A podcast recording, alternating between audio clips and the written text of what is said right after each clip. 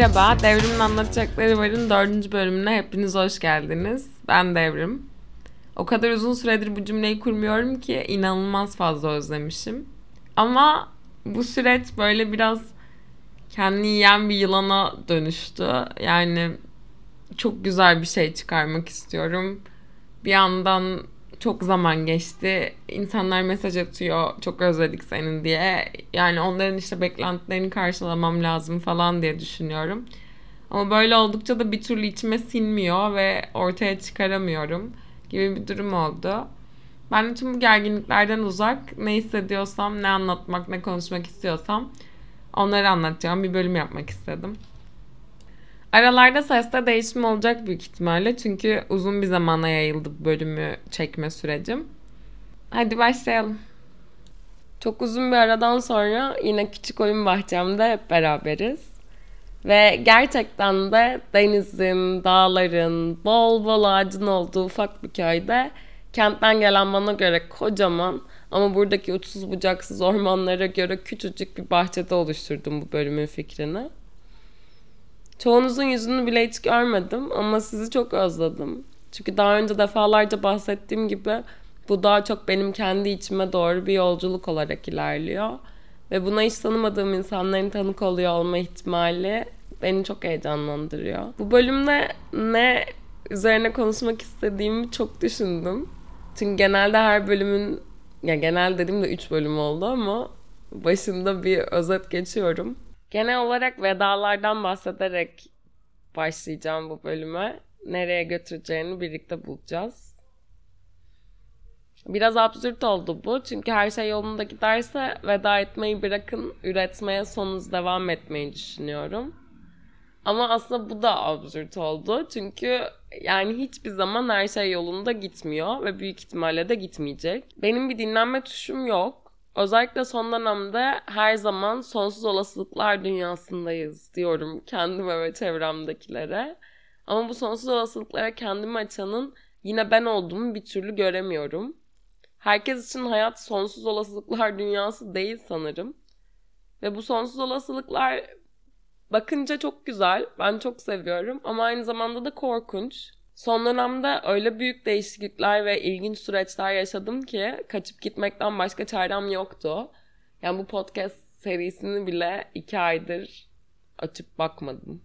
Yani başına oturdum aslında ama böyle yapamadım. içimden çıkmadı işte. Ben de her zaman yaptığım gibi kaçtım. Bir ay boyunca bir denizin hemen yanındaki bir köyde saklandım. Ama fark ettim ki kaçsam da gerçekten güneyde sakin bir köyde saklansam da kendimden ve vedalardan kaçamıyorum. Burada da buldular beni. Dört bir yanımı sardılar. Ve artık kafamdakileri, kalbimdekileri, ruhumdakileri kusmak zorundaydım. Şu an tam şu anda yaptığım gibi. Beynimin içindeler sanırım ve bir yere gittikleri yok. Biraz yavaşlamak için gelmiştim bu bahçeye, bu denize, bu dağlara. Ve yapabildiğimi düşünüyorum. Ama yavaşladığımda hayatta en korktuğum şey oldu. Arkamdan koşup gelen ayak seslerini duyduğum o düşünceler bana yetişti. Ve aynı böyle filmlerde bir parça kanlı et parçasını kokladıklarında derin denizlerde karanlıkta ya hiçlikten çıkarak aynı noktaya üşüşen piranalar vardır ya onlar gibi başıma üşüştüler. Ya o kadar çoklar, o kadar gerçekler ki içimdekilerin çıkması lazım. Üretmem lazım. Artık basit bir nüanstan, havalı bir cümleden çıktı bu. Ya var olmak için çizmem, söylemem, anlatmam, boyamam, dinlemem lazım. Ben de iletken olmak zorundayım. Çünkü bu elektrik içimden akıp geçmezse beni çarpıp yok edecek. Evrende bin bir parçaya ayrılacağım ve hiçbir parçamın bir önemi olmayacak gibi geliyor. Tam bunları hissederken neden durup dinlenemiyorsun devrim diye kendime kızarken ne kadar fazla vedayla dolu bir döneme girdiğimi fark ettim bu süreçte. Hazır bu zorunlu vedalara girişmişken hayatımda çer çöp ne varsa hepsine veda etmeye karar verdim.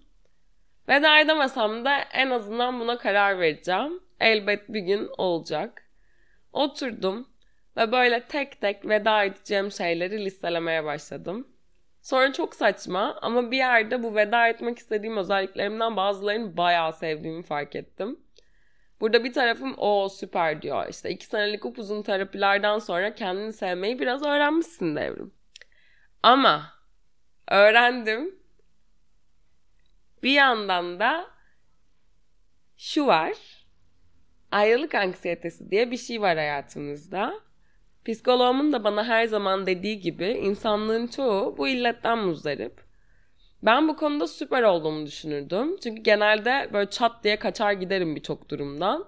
Ama fark ettim ki benim inanılmaz bir ağırlık anksiyetem olduğu için işler buraya gelmeden işte karşımdaki figür ya da bir terim olarak ev diyeyim o kadar değerli olup benim ayrılmaktan korkacağım hale gelmeden ben kaçıp gidiyorum.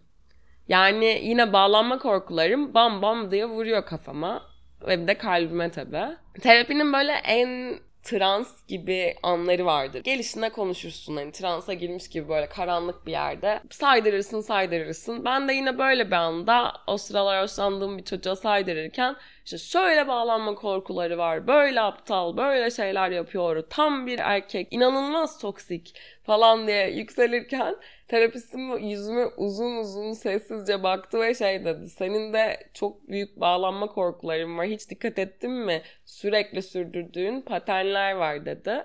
Ve böyle şak diye kaldım ben. Çünkü doğru söylüyordu.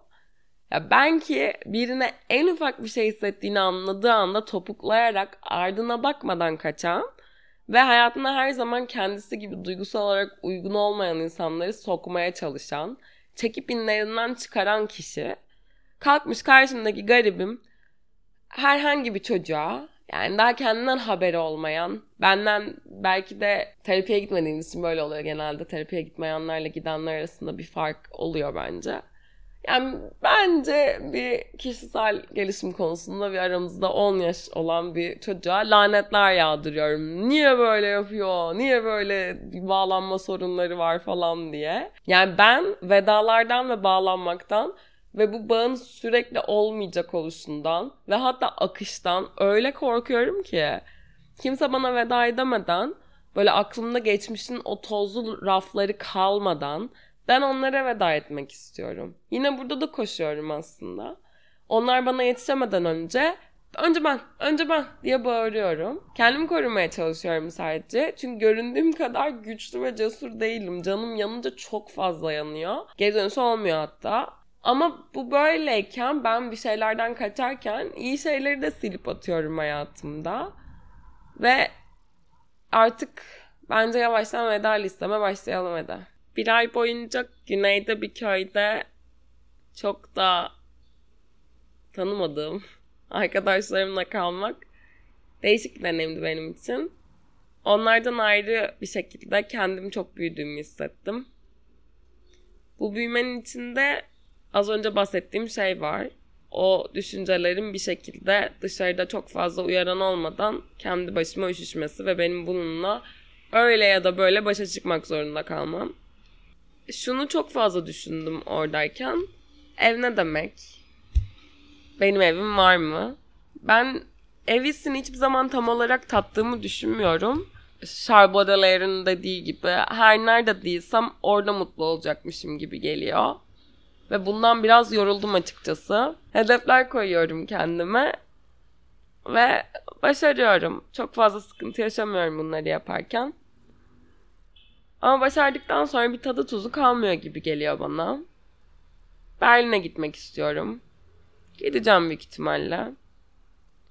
Gittikten sonra şunu biliyorum ki Barcelona'ya gitmek isteyeceğim bu seferde. Barcelona'ya gidince Floransa'ya gitmek isteyeceğim. Belki Şili'ye geçmek isteyeceğim. Bu basit bir anne güzel kız hedef koyuyor ve hepsini gerçekleştiriyor hikayesi değil. Bu kız sürekli kaçıyor. Çünkü sürekli hem deli gibi bir yere ait olmak istiyorum hem de bu histen ölümüne korkuyorum. Yani hayatta en çok korktuğum şeylerden birisi bir yere ait hissetmek. Ama aynı zamanda içimde yanıp tutuşan bir özlem var evimi bulmaya dair de. Bu yüzden işte güneyde bir köydeyken ev ne demek benim için uzun uzun düşündüm ve hayatta sanırım ağlamadığım kadar çok ağladım. Çok kalabalık olduğu için saçma sapan bir yerinde köyün ve üç tane falan direkten oluşan hiçbir zaman içinde çocuk görmediğim bir çocuk parkında kaydıran en üst merdiven seviyesine çıkıp orada ağlayıp durdum uzaklara baka baka ve ev Ev deyince çok saçma bir metafor geldiğini fark ettim aklıma direkt. Yani yurt dışında çok böyle değil ama Türkiye'de genelde sıcan kullananlar varsa bilir ki bunu çok da sevdiğimizden değil. Genel toplumsal kanı bu olduğundan bazen tacize uğramamak için bazen de bilmiyorum dik gözükmesi gerekiyor memelerimizin falan diye bir zorlamak içerisinde olduğumuz için. Bazen canımız istediği için bazen canımızın istemesi bile dışarıdan böyle alttan alta bilinçaltımıza sokulan o düşüncelerden olduğu için süden kullanıyoruz. Ve çok uzun süren bir günde hiç ara vermeden sütyen taktıysanız eve geldiğinizde şu hissi çoğunuz yaşamışsınızdır sütyen takanlar. Kapıyı açarsınız, işte ayakkabılarınızı çıkarırsınız, içeri geçersiniz. Hele ki evde tekseniz. Böyle sütyenin arkadan kopçasını tık tık tık diye açarsınız. O yandan kolları düşer. Tişörtün altından şırrak diye çıkarıp en uzak noktaya fırlatıp atarsınız. Ve o an yaşadığınız o rahatlık yani bilmiyorum dünyalara bedel olabilir sanırım. Çünkü öyle de sıkan bir şeydir ki gün içinde durdukça ve vücutta izi kalır yani. O his var ya o rahatlama hissi ve o evin kabuğunun seni böyle sarıp sarmalama hissi. Ev bana onu hatırlatıyor. Yani bu metaforik hissi bazen bir evde gerçekten duvarlı, pencereli, tavanlı bir yerde yaşıyorsunuz. Bazen bir çadırda, bazen bir ormanda, bazen bir insanda. Ve sanırım bu yüzden ben böyle yana yakıla nereye gitsem kendime ait noktalar belirlemeye çalışıyorum. Böyle kimsenin bilmediği yerler gibi geliyor ama aslında herkes de biliyor. Ama ben kafamda öyle kurmayı, öyle düşünmeyi seviyorum ufacık yuvalar yapmak istiyorum kendime. Ki evim olsun. Bilmiyorum gitmekten çok hiçbir şey mutlu etmiyor beni gibi geliyor. Ama gitmek konusunda da mesela ne mutlu ediyor beni diye düşündüğümde yol hikayeleri gerçekten çok güzel ve genelde karşıma çok iyi insanlar çıkar. Çok da güzel hikayeler biriktiririm. Bu iyi, süper. Ama kalmaktan niye bu kadar çok korkuyorum? Niye bir şeyler iyi gittiği anda bir anda yok oluyorum. Bir anda kaçıyorum. Bunu da düşündüm çok köyümde. Yani çünkü her iyi gidişten sonra bir veda gelecek gibi geliyor. Ve gitmenin bana en çekici gelen yerlerinden biri sadece yol hikayeleri değil. Başkaları gitmeden ve bana veda etmeden benim şak diye kaybolup gitmem ve böylece veda etmek zorunda kalmamamız aslında. Bu iyi bir yandan da kötü. Çünkü o zaman da bir vedanın veda olduğunu çok sonra fark ediyorsun. Yani mesela eski sevgilimle en son ne zaman öpüştüm acaba? En son ne zaman böyle gözlerinin içine baktım? Ya en son ne zaman böyle katıla katıla güldük? Mesela sonuncusu neydi? Vedası neydi yani? En son ne zaman sarıldım doya? Ne zaman kokladım onu? Böyle o, hatırlamıyorum. Çünkü hiç zaman bunu veda etmedim. Yani yok oldum herkesin hayatından. Ve bunu işte sinsi bir biçimde en son olduğunu bilerek yapmadım hiçbir zaman. O yüzden de en sonun en veda halinin ne olduğunu bilemedim hiç. Çünkü dayanamam gibi geliyor. O ayrılık anksiyetesini başaramam gibi geliyor. Ben bu köydeyken bir yere gideceğimi öğrendim. Fark ettim bunu. Anladım. Haberi geldi. Çok mutlu olurum diye düşünmüştüm öğrendiğimde. Çok mutlu olmadım açıkçası. Çok böyle şımarık biri gibi de çıksın istemiyorum sesim. Çünkü yıllardır istediğim bir şeydi. Ama çok mutlu hissetmedim. Aklım vedalarda ve yeni başlangıçlarda kaldı. Anda kalamadım. Geçmişe gittim, geleceğe gittim. Savrulup durdum. Tam aynı anda Ayşe Hanım, psikoloğum, bana kendisinin de yurt dışına master'a gideceğini söyledi. İkonik bir olay yani. Ve ben ona bir şeyin haberini verirken Uno reverse kartını fırlattı bana asıl ben gidiyorum falan diye bırakacağını söyledi terapileri. Ve ben çok uzun süredir buna bir anksiyete yaşıyordum. Hatta sürekli yaşını hesaplıyordum işte emekli olur mu acaba Ayşe Hanım beni bırakır mı falan diye. Ve kendisine de söylüyordum. İçime doğmuş herhalde sürekli ya da bunu mu çektim bilmiyorum. Sürekli siz beni bırakmazsınız değil mi? İşte kaç sene işte şu kadar yaş var aramızda kaç sene emekli olursunuz acaba falan filan diye hesaplayıp ona sorduğumu hatırlıyorum. İşte en büyük korkum bu falan diye. Ve başıma geldi. Yani korktuğum kadar var mı? O derece kaotik henüz değil. Ama bayağı bir zor. Yani bu kadar çok vedanın içinde bir de hayatta en çok güvendiğim ve elinin üstünde en çok hissettiğim insanın vedasına gerek var mıydı? Yoktu. Bu kadar öğretici bir yoldan geçmeme gerek var mıydı? Bence yoktu. Öğrenmeseydim bunu da keşke. Ama böyle bir durum da yaşandı mesela. Vedalar toplamına bu da eklendi. Yani aslında ben vedalardan kaçmak için çok uzaklara gittiğimde vedaların daha da hırslanıp üstüme üstüme koştuğunu fark ettim. Bir anda hayattaki her şeyim değişti çünkü. Bir sürü gönüllü olduğum ve olmadığım veda çıktı ortaya. Bu yüzden aslında ben bugün kendi veda listemi yapmaya başlamak istedim. Çünkü en azından bir şeyde kontrolüm olsun istiyorum. Bu kadar da akışına bırakmayı ben sanırım şu an yapamıyorum. Veda listemin en başında veda etmekten korktuğum için her güzel şeyi yaşamaktan vazgeçmeme veda etmek var. Bunu çok istiyorum. Çünkü genel olarak cesur bir insan olduğumu düşünüyorum ama bu konularda biraz kötüyüm. Daha önce dediğim gibi bu her iyi gidişten sonra gelecek olan ve kafamı kurcalayan o veda beni o iyi gidişlerden de alıkoyuyor. Ve bunu hayatımda istemiyorum artık. Hayatıma yepyeni bir yerde, yepyeni insanlarla ve sıfırdan başlayacakken bunu kendime söz vermek istiyorum. Ve veda listemin en başına da bunu koyuyorum. Oradayken fark ettiğim şeylerden biri de bu hayatı nasıl yaşıyoruz bilmiyor olmam. Terapide de sürekli bunu düşünüp ağlıyorum. Yani bu hayat nasıl yaşanıyor bilmiyorum. Bana kimse öğretmedi deyip deyip ağladığım defalarca seans var. Bunu ilk defa gerçek hayatta da deneyimledim. Bunu yaşadım yani bilmiyorum diye. Bir sürü şey var yani mesela yeni başlangıçlar var, bitişler var. Ben hiçbirini yapamıyorum gibi geliyor. O yüzden her şeyde kaçmak istiyorum. Yani vedalarda çok başarısızım zaten. Hiçbir yere kök salmak istemiyor canım. Orada mesela bir sürü ağaç gördüm. Ağaçların da yani burada da var ağaç ama orada ne bileyim su birikintisi var, dağlar var, denizler var.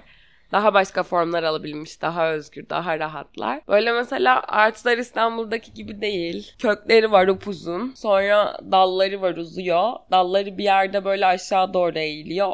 Dallardan kök oluşuyor. Dalları bazen suyun içine giriyor. Suda kök oluşturuyorlar. Sonra bu kadar dipleri güçlüyken yukarıya bakıyorsun. Yukarısı da upuzun bir sürü dal var ve rüzgarda oraya buraya savruluyorlar. Oraya gitmiş, buraya gitmiş.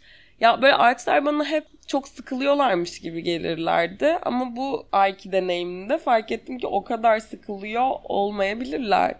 Bir sürü arkadaşları var ve sanırım istedikleri yere gidebiliyorlar kendi çaplarında. O dallar mesela benim göremediğim bir sürü şey görüyor ve çok özgürce, rahatça dans ediyor. Hem kökleri de sağlam. Onlar da istediği yere gidiyor. Bu birazcık yine çok metaforik olacak ama köklenme fobimi hatırlattı bana. Doğanın içinde çok fazla vakit geçirdim. Çok fazla dokundum toprağa, suya, denize, taşlara, ağaçlara çok sarıldım. Çok fazla sarıldım. Ve böyle bana onu hatırlattı. Yine hayatta en büyük korkularımdan biri köklenmek. Birine, bir yere böyle sabit kalacağım, ona bağlı olacağım, sıradan kalacağım diye çok fazla korkuyorum. Ama sabit bir yerde olabilmenin de güzelliği var. Yine çok kalabileceğimi düşünmüyorum 26 yaşında bir kadınken. Bu arada doğum günüm geçti. Artık 26'yım. Ama ağaçlarda da bir güzellik olduğunu fark ettim bu tatilde. Yani belki hayatımın belli dönemlerinde köklenmek o kadar korkunç bir şey olmayabilir. Bununla birlikte veda edeceğim ikinci şeyi de söylüyorum. Kök salma fobim. Kendi içimde ve dışarıda evimi bulmaktan bu kadar korkmak istemiyorum. Çünkü aslında yolculuğu çok seviyorum. Bir yerde sabit kalmanın da bir yolculuk olduğunu öğrenmem lazım belki ve bu kadar korkmamam lazım. Geçen gün bir meditasyon yaparken bu arada bu Bunu da yani çok büyük bir gururla söylüyorum gibi anlaşılmasın ama meditasyonu da yapma şeklim çok çok tatsız. Ya genelde meditasyon işte guided ne deniyor rehberli meditasyon oluyor. İşte YouTube'dan falan açıyorum. Belli kanallar var. Ben genelde bir noktadan sonra kenarda gözlerim kapalı bir biçimde sırtımı bir yere dayayıp sigara içiyor ve ağlıyor oluyorum. Çok kötü. Çok keyifsiz bir meditasyon biçimi. Yani zannetmeyin ki üf bu insanların da hepsi hayatı çözmüş. Hepsi sabah 6'da kalkıyor, koşusunu yapıyor, meditasyonunu yapıyor efendim. Hayır. Yani meditasyon yapıyorum derken meditasyonu açıyorum. Kenarda sigaramı içiyorum ve ağlıyorum demek istedim ama bayağı işe yarıyor gerçekten. Rahatlıyorum en azından. Meditasyonda bir imge vardı. Çok aklıma takıldı. Öyle bir asansöre bindik birlikte. İçimizde kat kat kat kat aşağı inen. Ve her katta biraz durduk, bekledik. En son katta indik. O katta kocaman bir odada sonsuz raflardan oluşan bir kütüphane vardı. Ve herhangi bir kitaba elini attığında kendi hayatından bir bölüme rast geliyordun. Yani açtığında o anı görüyordun. Ve bu imgelen bana çok fazla geldi. Çok çok duygulandım bu duruma. Çünkü böyle ben her şeyi unuttuğumu düşünüyorum. Aslında unutmuyorum. Daha fazla canım yanmasın diye o bölümü aklım çıkarıyor. Bilinçaltım böyle kapatıyor orayı ama hep içimde duruyor onlar. Biliyorum çünkü bir yerde bir şey karşıma geldiğinde böyle flashbackler şeklinde o anı hatırlıyorum. Ya yani bu en son bir ay arkadaşlarımla köyde kaldık deniz kenarında dediğim tatilim bile birçoğunu hatırlamıyorum ve hepsi bana şaşırıyor nasıl bunu hatırlamıyorsun yaşadık ya falan diye. Hatırlamıyorum çünkü bir şeylerden kaçmaya çalışıyorum. En kolay yol unutmak. Ben de bunu çok iyi beceriyorum. Bilinçaltımda böyle bir anlaşmamız var çocukluktan beri. Ama meditasyonda kaçacak bir yerim yoktu çünkü hepsi kitaplarda depolanmıştı. Tarih yazımı gibi benim tarihim tek tek yazılmıştı. Ve ben böyle her kitabı elime alıp kütüphanede olur ya böyle önce bir koklar sonra açarsınız. Öyle yaptığımda kendi hayatıma dair kesitler gördüm. Her kitabı aldığımda farklı anılara götürdü beni. Çok küçük yaştayken de, lisedeyken de, üniversitedeyken de yaşadığım ve böyle beynimin arkasında bir yerlere attığım anılarda tekrar eden bir döngü olduğunu fark ettim. Hiçbir zaman ben iyi anıları hatırlamıyorum. Hiçbir zaman böyle gözlerim kısılana kadar güldüğüm, nefes alamadığım ya da arkadaşlarımı böyle güldürdüğüm ya da böyle saçlarımın güzelce sevildiği, kendimi yüzde yüz güvende hissettiğim anıları hatırlamıyorum. Ne kadar anı varsa hepsinde benim kötü olduğum bir yer var. Hep bir şekilde kendimi çok suçluyorum. Bütün olayları kişiselleştiriyorum ve böyle çaresiz kalarak suçlu hissediyorum. Ya başka birinin yaptığı her şey benim sorumluluğumda gibi geliyor ne kadar yetersiz olduğumu düşünüyorum. Şurada bunu yaptığım için burada bu yaşandı diyorum. Bu yüzden sanırım bu geçmişe dönme durumu beni çok zorladı. Veda etmek istediğim şeylerden üçüncüsü de bu. Artık çaresiz hissedeceğim kadar suçlu hissetmek istemiyorum herhangi bir olaydan. Ve geçmişi böyle en üstünde kalan kötü anılarla hatırlamak istemiyorum. Böyle ya mesela bir meyve alırsınız. Sonra onu suya basarsınız. Üstte böyle bir süre sonra kötü kötü tortular birikir ya. Benim aklımdaki kötü anılar da geçmişe baktığımda aynen böyle tortular. Ve genelde de kendimi çok suçlu hissettiğim tortular. Ve genelde de suçlu hissetmemem gereken durumlarda suçlu hissettiğim tortular. O tortuları böyle bir kenara atıp alttaki güzel rengarenk çileklere ulaşmak istiyorum güzel anıları hatırlamak istiyorum ve bu anda da yaşadığım, geçmişte de yaşadığım gereksiz suçluluk duygusunu bırakmak istiyorum. Çünkü başka birinin yaptığı şey onun sorumluluğu, benim değil. Veda listeme aldığım iki şey kaldı. Bir tanesi hiçbir şekilde olumluyu kabul edememem. Bunu gerçekten çok çok çok kısa sürede bırakmak istiyorum. Çünkü yıllardır muzdarip olduğum bir durum. Yani daha geçen gün şöyle bir şey yaşandı.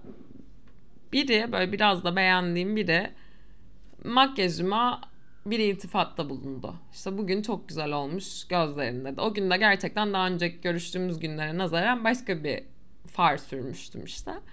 Böyle baktım çok o iki milisaniyede çok heyecanlandım. Çok mutlu oldum falan. Ve cevap olarak düşündüm. Beynimin dehlizlerinde gezindim ve şunu seçtim. Hmm, neden? Daha önceki günlerde kötü müydü makyajım? Ya böyle bir şey olamaz. Keşke hiç cevap vermeseydim.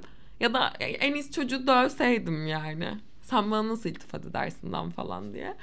O da çok tatlı bir biçimde hayır o zaman da çok güzeldi. Şimdi de bir farklı olduğu için söylemek istedim. Çok beğendim dedi falan filan. Ya bu genel olay değil ama benim hiçbir şekilde olumluyu kabul edememem ve sürekli bunu inkar etmem olayından sıyrılmam gerekiyor diye düşünüyorum. Çok fazla arkadaşımda da var bu ama bende biraz ekstrem olmuş. Ya ben işte dediğim gibi bir haber aldım ve bir şey kazandığımı öğrendim. Bunu öğrendiğim günden beri ne zaman bana mail atıp aa bir yanlışlık olmuş aslında kazanmadınız siz kalın burada diyecekler diye bekliyorum ve bu bir şaka değil gerçekten böyle. Bunu biraz daha genişletirsek şuraya varabiliriz. Ben başarılı olabileceğimi de düşünmüyorum. Çünkü ya da başarılarımın gerçek olabileceğini düşünmüyorum. Tesadüfen olduğunu düşünüyorum. Aslında bu başarılar benim tırnaklarımla kazıdığım şeyler oluyor. Sevilebileceğimi asla düşünmüyorum. Çünkü böyle bir şeyi hak etmediğimi düşünüyorum ve sevildiğim zaman olumluyu da kabul edemiyorum. Güzel olamayacağımı düşünüyorum, işte eğlenceli olamayacağımı düşünüyorum. Yani hayatta ne kadar olumsuz şey varsa Tanrı böyle bir prototip olarak beni yaratmış bunu göstermek amaçlı gibi geliyor. Yani tabii ki günlük hayatımda bunları işte ah şöyle başarısızım, şöyle çirkinim falan diye düşünmüyorum ama böyle ufak nüanslarda fark ediyorum ki ben sanırım bir türlü kendimden de gelen, çevreden de gelen olumluyu kabul edemiyorum ve hemen aksine çevirmeye çalışıyorum. Aslında böyle değil ya falan diye. Hayır, buna veda ediyorum dördüncü madde olarak ve kendimi, özümü, bütün güzelliklerimle, bütün çirkinliklerimle kabul ediyorum. Şimdilik veda edeceğim son maddeye geldik. Hiçbir şeyin mutlak olmadığını iyice anlamam gerekiyor ve bu ya hep ya hiç düşüncesinden uzaklaşmak istiyorum. Buna veda etmek istiyorum. Mesela tüm vedaların beni çok kötü bir yere çıkaracağını düşünmemem gerekiyor. Ya hep ya hiç düşüncesine en büyük örnek olarak vedaları verebilirim. Yani hayatta gerçekten bir akıştayız ve her şeyle çok güzel ya da her şeyle çok kötü diye bir şey yok neyin bizi nereye çıkaracağını bilmiyoruz. Bu ya hep ya hiç durumuna örnek olarak terapistimin beni terk etmesini verebilirim. Şaka yapıyorum. Terapistimin master'a gidiyor olmasını verebilirim. Bu duruma çok üzüldüm ben ve böyle bir tam bir yaz süreci olarak üzüntü tabii ki ataklarla geldi. Bir anda böyle üzülmedim. Hatta en başta ya biraz ağladım ama sevindim genel olarak. Çünkü çok seviyorum onu ve çok mutlu olsun istiyorum. Çok başarılı bir kadın. Yani bir süre sonra tekrar görüşeceğimizi de biliyorum zaten. Ama o ara durumunu zaman yaklaştıkça belki çok daha fazla ataklar içerisinde hissetmeye başladım. Yani bir şeylerin sonu olacağını fark ettim. Ve bir şeylerin sonu olacağı durumunun beni inanılmaz bir paniğe sürüklemesinden pek haz etmiyorum. Her şeyin bir sonu var. O sonda başka bir şey yeşeriyor. İşte hep bir son olmuyor ya da hiç son olmayacak diye bir şey de olmuyor. Benim biraz buna alışmam gerekiyor sanırım. Mesela bu terapi süreciyle ilgili düşündüğümde terapinin benim için ne anlama geldiğini de çok fazla düşünme fırsatım oldu.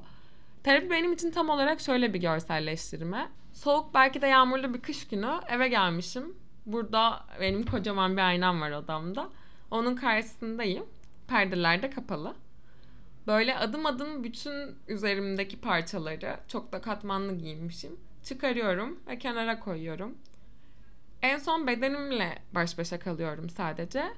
Ve bayağı uzun bir süre bedenime bakmam gerekiyor. Arkamı dönüyorum, önümü dönüyorum. Her aşamasıyla inceliyorum. Hatta gözlüğümü de takmışım. Detaylı detaylı bakıyorum. Ve ben bu gerçek hayatta olan bir şey. Hiçbir zaman aynaya çok uzun süre bakamam. Ve genelde böyle işte Instagram'da falan kombinlerimi paylaşırım. Ayna fotoğrafları koyarım falan. İnsanlar belki hani inanılmaz obses bir biçimde aynaya baktığımı düşünüyor olabilir ki böyle yorumlarda aldım daha önce. Ama öyle değil. Aynaya çok uzun süre bakamıyorum. Aşırı panik oluyorum. Çünkü hemen böyle kendimle ilgili negatif bir şeyler görmeye başlıyorum. Ama terapide böyle bir şansın yok. Aynaya çıplak bir biçimde bakıyorsun.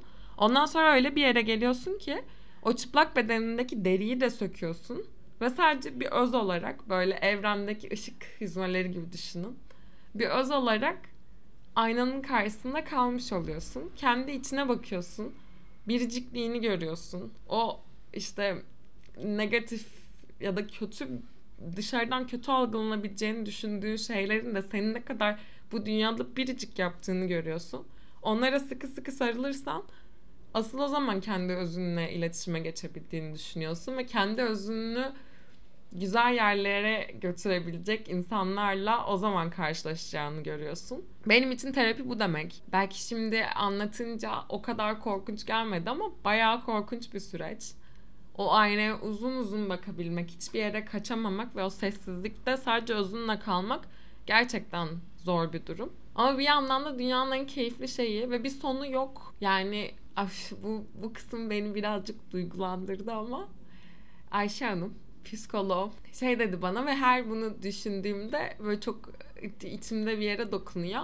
Ben yani on, onun gidişinin ne kadar zor karşıladığımı artık ona söyledim bunu konuştuk. Ve bana şey dedi yani aslında ne derim sen de bir yere gitsen ben de bir yere gitsem bir daha asla görüşmesek de bu bir son değil. Çünkü senin içinde tam bu cümleyle ifade ettim de. Çünkü senin içinde hep bir Ayşe Hanım olacak. Yani orada konuşan belki düşünce biçimiyle belki geçmişten gelen bir anıyla belki hatta hayatımda yaşayacağım yeni şeylerde sunacağım perspektifle hep bir ben olacağım yani ve bu yaz sürecinden çıktığında çok daha güçlü ve çok daha kendiyle bağ kurabilmiş bir insan olarak çıkacaksın dedi. Ve bu böyle gerçekten. Çünkü ben çok uzun süre görüşmediğim dönemlerde oldu işte finansal bazı sıkıntılara girdiğim için yapamadım yani. Kendisi bunun okey olduğunu ve sonradan ödeyebileceğimi defalarca söyledi. Bazen öyle de yaptım. Ama bazı zamanlarda yapamadım ve bunun belki de sadece finansal bir durum olmadığını kendimi bir şeylere hazırlamaya çalıştığımı da düşünüyorum ben. Ve böyle bir iki ay ayrı kaldığımız oldu. O dönemlerde de hatta o yanındayken de hep şunu hissediyorum. Ayşe Hanım artık benim için bir tüzel bir kişilik. O ayna karşısında durduğum ve uzun uzun kendine baktığım ayna bana öyle perspektifler kazandırdı ki hayatta yaşadığım ne varsa özümle el ele tutuştuğum yeni bir kadın, yeni bir devrim olarak yaşıyorum ve o perspektifle bakıyorum. Bu yüzden bunu çok seviyorum. Şu an veda listemin sonuna gelirken bu ya hep ya hiç düşüncesinden öncelikle vedalara dair korkumla yüzleşerek çıkmak istediğimi fark ediyorum. Buna da veda ediyorum. İlginçtir ki doğduğum, büyüdüğüm şehre de veda ediyorum. Bir sürü insana da veda ediyorum hayatımdaki. Her sokağında başka anılar deneyimlemiş. O küçük kıza da veda ediyorum biraz büyüdüğümü biliyorum artık. Ama bu vedanın bir son olduğunu düşünmüyorum ilginç bir şekilde. Sanırım hiçbir vedada öyle değil. Ya da bir veda yaşarken veda olduğunu illa bilmem gerektiğini de düşünmüyorum. Belki bu lazımmış. Çok ilginçtir ki Olimpos'tayken işte e, bu bir ay gittiğim tatilde son kez denize girdiğimi bilmiyormuşum. Yani ertesi gün bir daha gireriz diye düşünmüştük ama bir şekilde giremedik, yetişemedik falan arkadaşlarla. Ve ben böyle baştan bir aşırı panik yaptım. Çünkü bir önceki gün son aslında olacak denize giriş kısmında.